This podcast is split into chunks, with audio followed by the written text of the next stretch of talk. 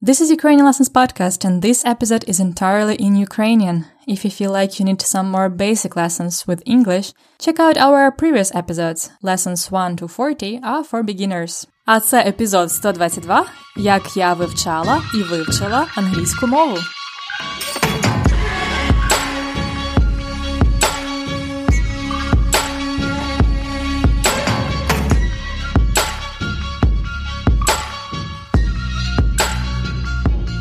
Привіт-привіт! Це Анна, ваша вчителька української, і ви слухаєте четвертий сезон подкасту Уроки української. Як справи? У мене все чудово.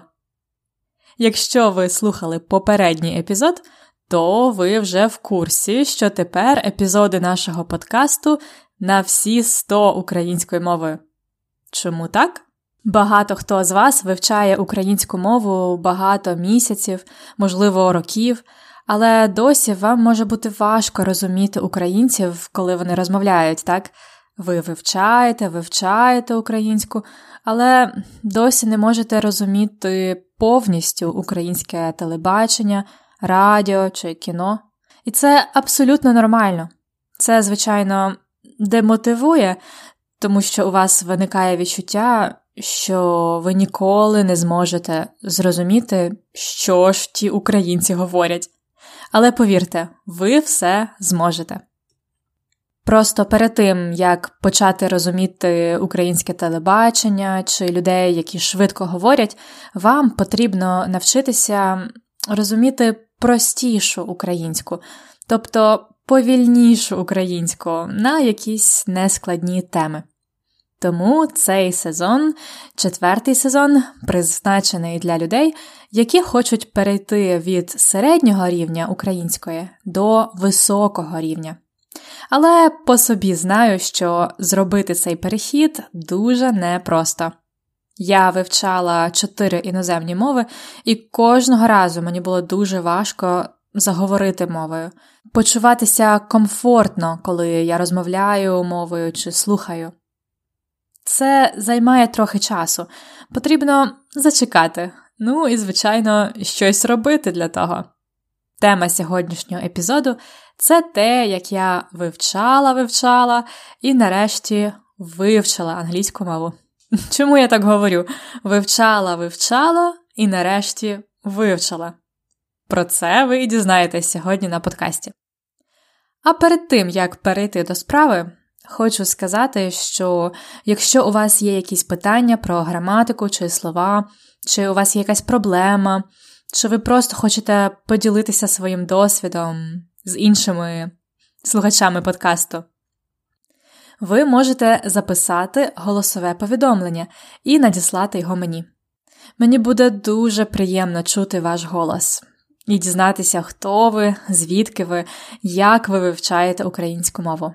Усім, чиї голосові повідомлення будуть на подкасті, я надішлю щось з України. Тому надсилайте свої повідомлення на Anna собачка ukrainianlessons.com Anna at ukrainianlessons.com А зараз перейдімо до справи, до теми цього епізоду. Як я вивчала, вивчала і нарешті вивчила англійську мову. Англійська мова це була моя друга іноземна мова, оскільки моя рідна мова українська, а моєю першою іноземною мовою була російська. Тоді, у 90-х, було дуже багато російської мови на телебаченні, мультики були російською, майже всі книги в мене вдома були російською мовою.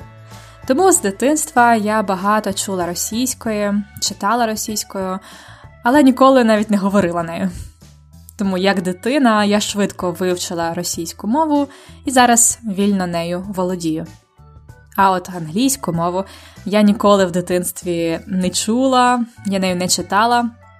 Тоді, в 90-х, е, ще не було книжок англійською мовою, і, звичайно, не було інтернету, тому діткам нічого такого не показували англійською.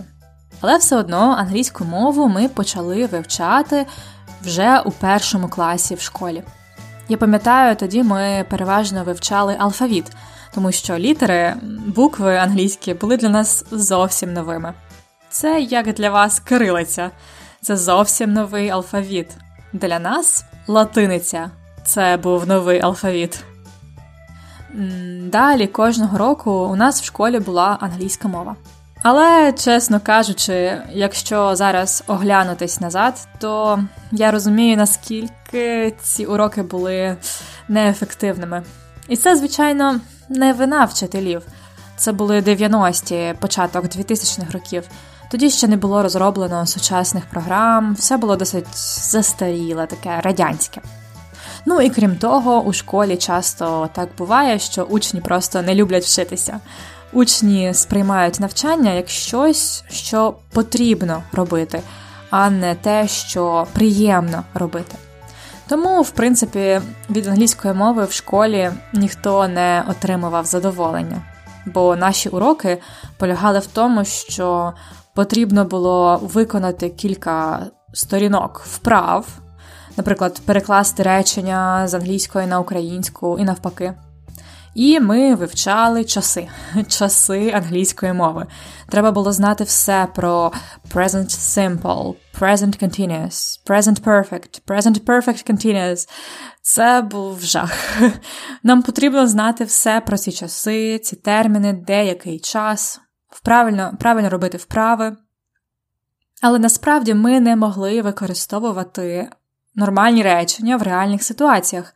Ми тільки знали все про граматику, але не могли її використовувати спонтанно.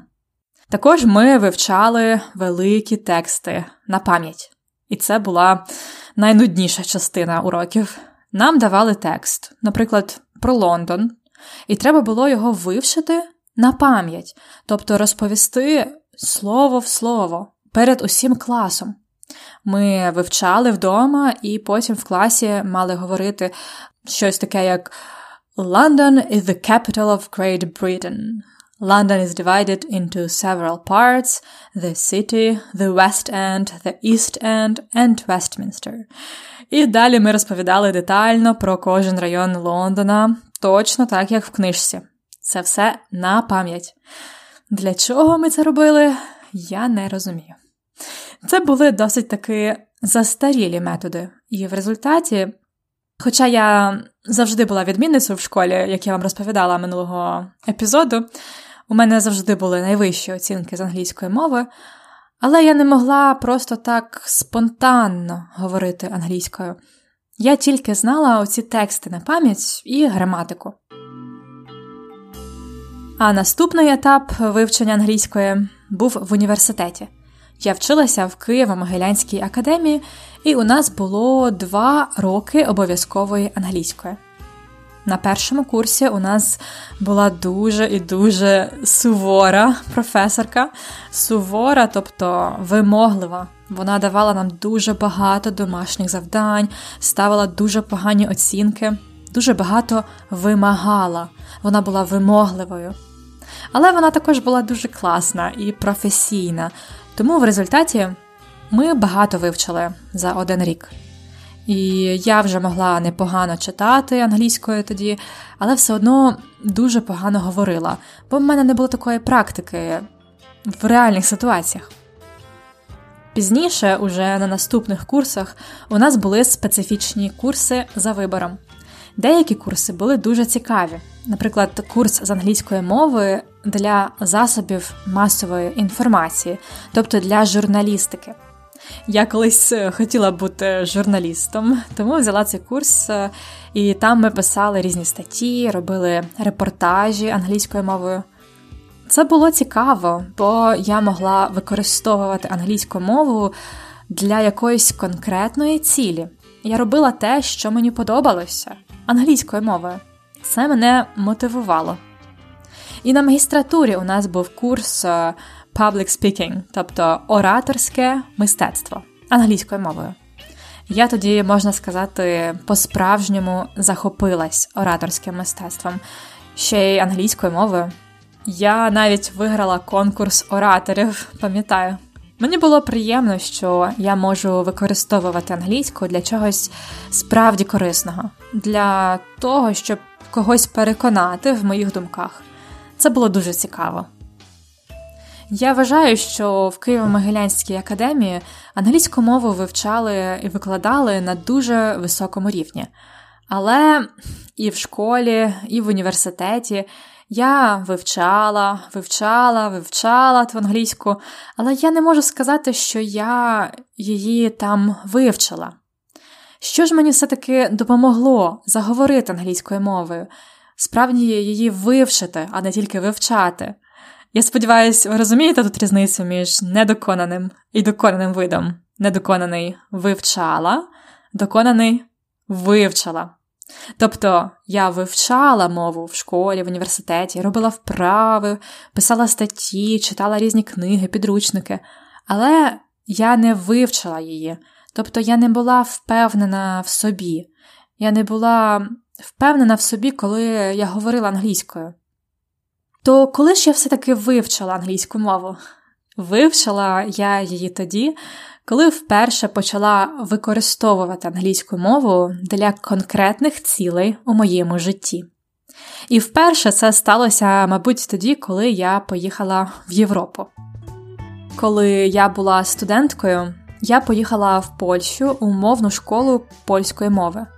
Там було багато іноземців, і з деякими ми говорили польською мовою, а з деякими і англійською.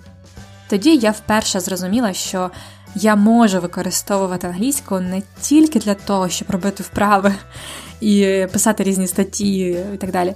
А я можу використовувати англійську, щоб знайомитися з людьми, щоб спілкуватися, висловлювати свої думки англійською мовою з іноземцями. Тоді я почала частіше подорожувати Європою. І хоча це не були англомовні країни, але всюди в Європі, в Німеччині, в Італії чи в Нідерландах я могла використовувати англійську мову для своїх конкретних цілей, щоб забронювати хостел, купити квиток на поїзд. Я часто використовувала каучсерфінг. Знаєте, каучсерфінг? Це такий сервіс, щоб можна було зупинятися в людей вдома безкоштовно. І, звичайно, ти багато спілкуєшся з цими людьми, і це все англійською мовою. Крім того, у той самий час я почала дивитися фільми англійською. Раніше я дивилася фільми українською чи російською, бо просто не було такої можливості дивитися фільми в оригіналі. Але прийшла ера інтернету, і з'явилися можливості дивитися фільми і серіали англійською мовою. З моїми друзями, які також добре говорять англійською, ми часто жартуємо, що справді вивчити англійську мову нам допоміг серіал Друзі. Тому що, якщо вам подобається якийсь серіал, і ви подивилися 10 сезонів цього серіалу, там 24 серії в кожному сезоні. І причому в серіалах люди багато говорять, багато жартують, використовують живу англійську мову, сленг, так? То коли ви це все передивилися, а тоді я пам'ятаю, ми дивилися багато серій за один день. То коли ви це все передивилися, таке відчуття, що справді вивчив англійську мову. Відчуваєш прогрес. Тобто я вивчала англійську мову в школі, в університеті з приватними викладачами. У мене були також репетитори англійської мови. Але я вважаю, що вивчила я англійську мову тоді, коли подивилася дуже багато фільмів, серіалів англійською, і коли почала використовувати англійську мову для подорожей. Англійська мова для мене стала таким ключиком, тобто засобом, щоб робити те, що мені подобається, дивитися цікаві фільми і подорожувати. Це мене мотивувало вивчати мову, справді нею володіти, справді її знати. Тому який тут можна зробити висновок для вас, для тих, хто вивчає українську мову? Звісно, я розповідала вам це все не так просто. Ви можете вивчати українську мову з підручниками в школі, з вчителями, з моїм подкастом, але по-справжньому вивчити українську мову ви можете тільки тоді, коли будете використовувати її для своїх реальних цілей, для того, що вам подобається. Наприклад, Якщо вам подобається співати, співайте українською. Якщо вам подобається дивитися веселі відео на Ютубі, дивіться їх українською. А якщо вам подобається читати новини про світ, читайте їх українською. Наприклад, у нас є один слухач з Філіппін. Його звати Займо Карлос. Привіт, Займо! Займо мене настільки здивував, тому що йому дуже подобається українська музика, і він вивчає українські пісні українською мовою і співає їх під гітару. Ці свої пісні Займо записує на відео і викладає їх на YouTube. Це так неймовірно. Я залишу вам посилання на канал Займо на сторінці цього епізоду. Це чудовий приклад того, як людина вивчає мову не просто щоб вивчити мову, а щоб використовувати її для чогось, що справді подобається. Що тут важливо, це для вас зрозуміти конкретно, яка ваша мета, яка ваша ціль вивчення української мови, що вам робити, щоб досягти цієї цілі, і разом з тим отримувати задоволення від процесу, правильно? Це була ось така моя невеличка, хоча досить довга історія про вивчення англійської мови. Я її довго вивчала, вивчала і нарешті вивчила. Ну і добре, адже саме завдяки англійській мові я змогла створити Ukrainian Lessons і цей подкаст. Ну і далі вже трошки з іншими методами я вивчала інші мови. Це польська, іспанська, французька. Я вам якось обов'язково розповім про те, як я їх вивчала. А якщо у моїй історії ви не зрозуміли якісь слова, щось було складно зрозуміти, ви можете переглянути транскрипцію, тобто повний запис, текст всього, що я кажу. Це е, транскрипція і вправи, а також таблички є у так званих конспектах уроку. Вони доступні для преміум підписників. Щоб дізнатися більше про преміум підписку, перейдіть на ukrainianlessons.com риска епізод 122.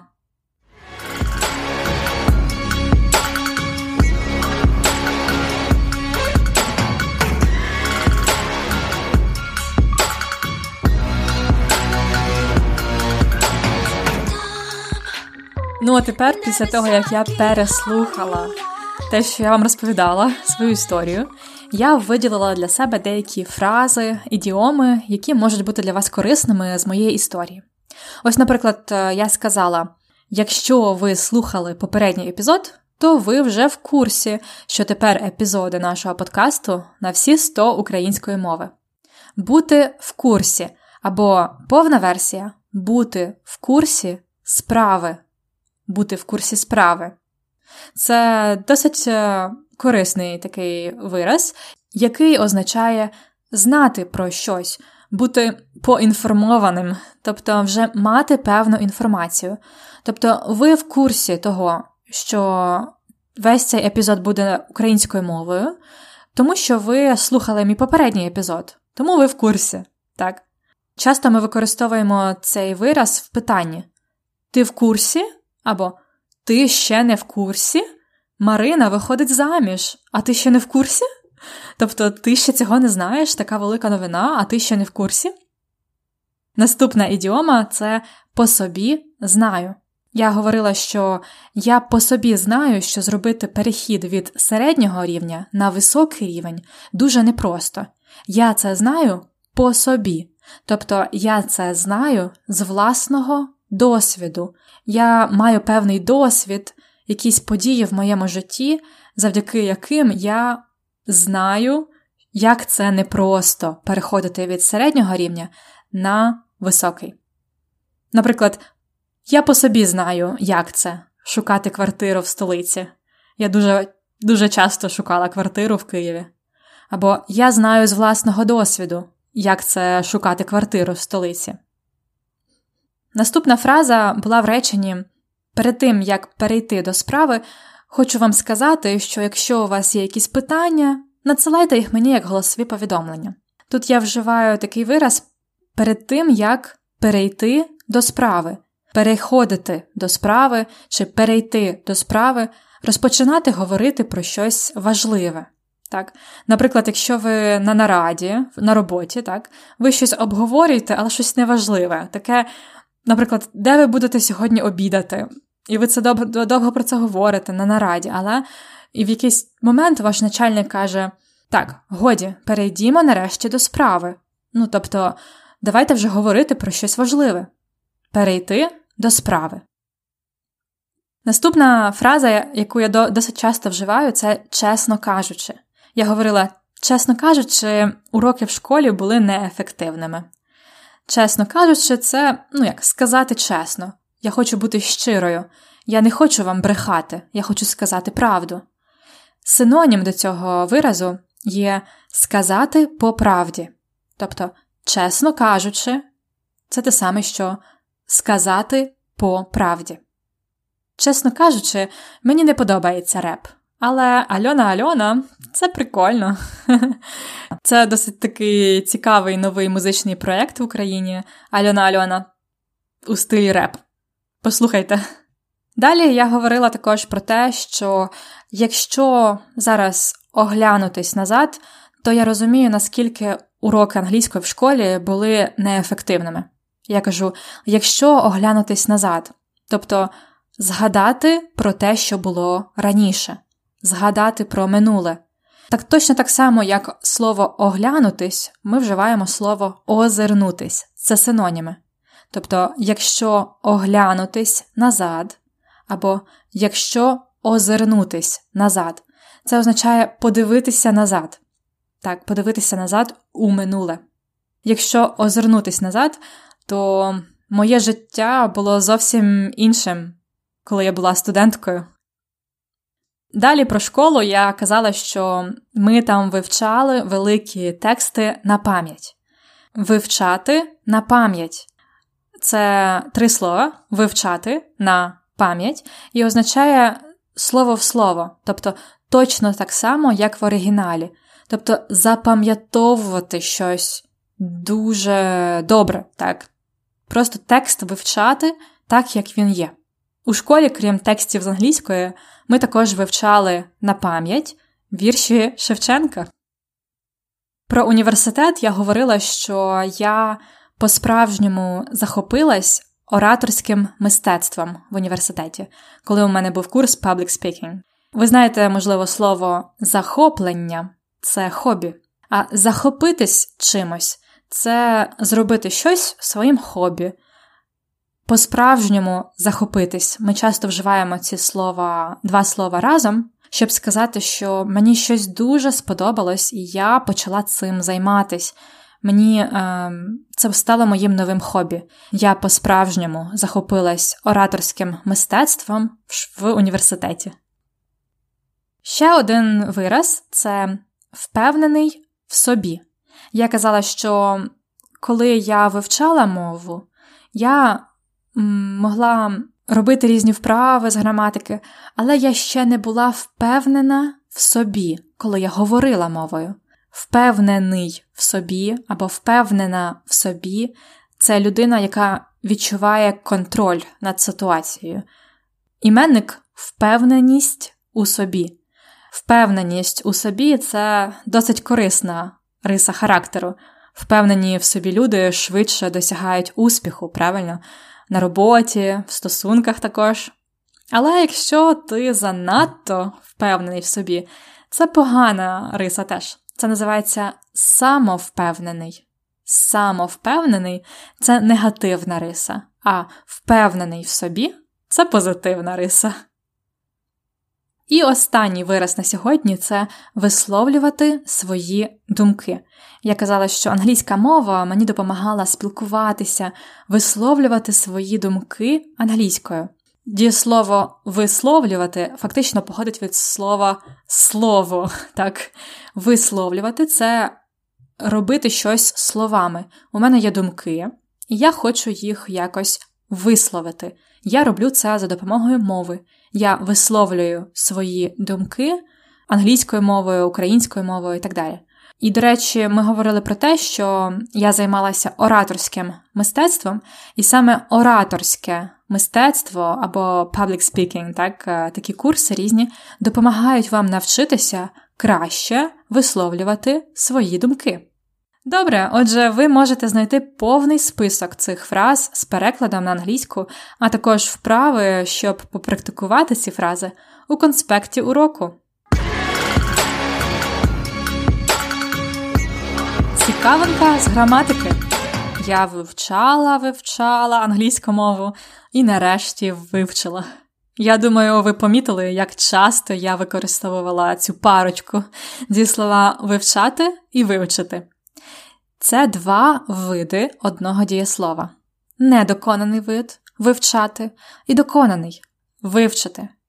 Для іноземців, для вас, для тих, хто вивчає українську, види дієслів це одна з найскладніших тем. Особливо, якщо дієслова такі схожі. Вивчати і вивчити. Фактично, тут змінюється тільки одна літера А на И.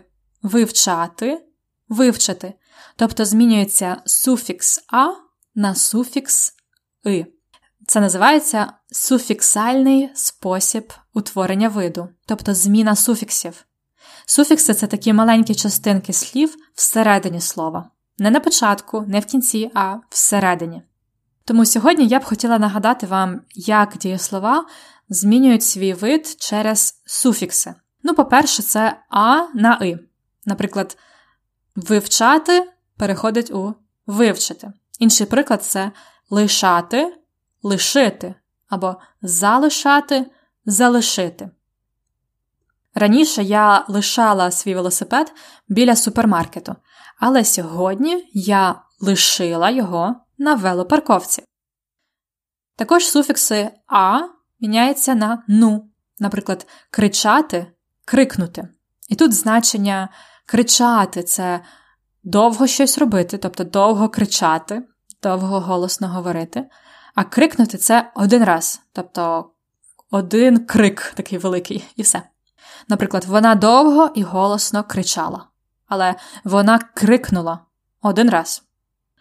Далі такий довгий суфікс овува міняється на суфікс ува. Наприклад, організовувати це недоконаний вид, організувати доконаний. Ми довго організовували концерт і нарешті організували його. Суфікс ува змінюється на суфікс и, ува и. Наприклад, повторювати, повторити. На цьому подкасті я часто повторюю. Ви готові? І я вже повторила матеріал уроку. Тобто тут повторити у значенні to review повторити. Ува може змінюватись також на А. Записувати, записати.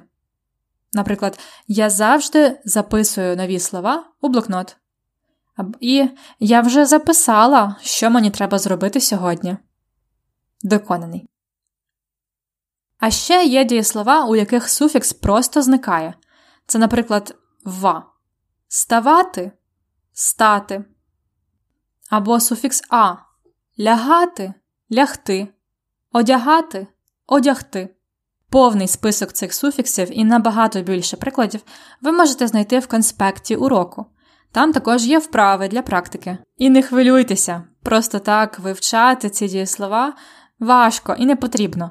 Якщо ви будете багато слухати і використовувати українську мову, з часом ви будете правильно вживати дієслова. І навіть якщо зараз ви робите помилки, українці все одно будуть вас розуміти.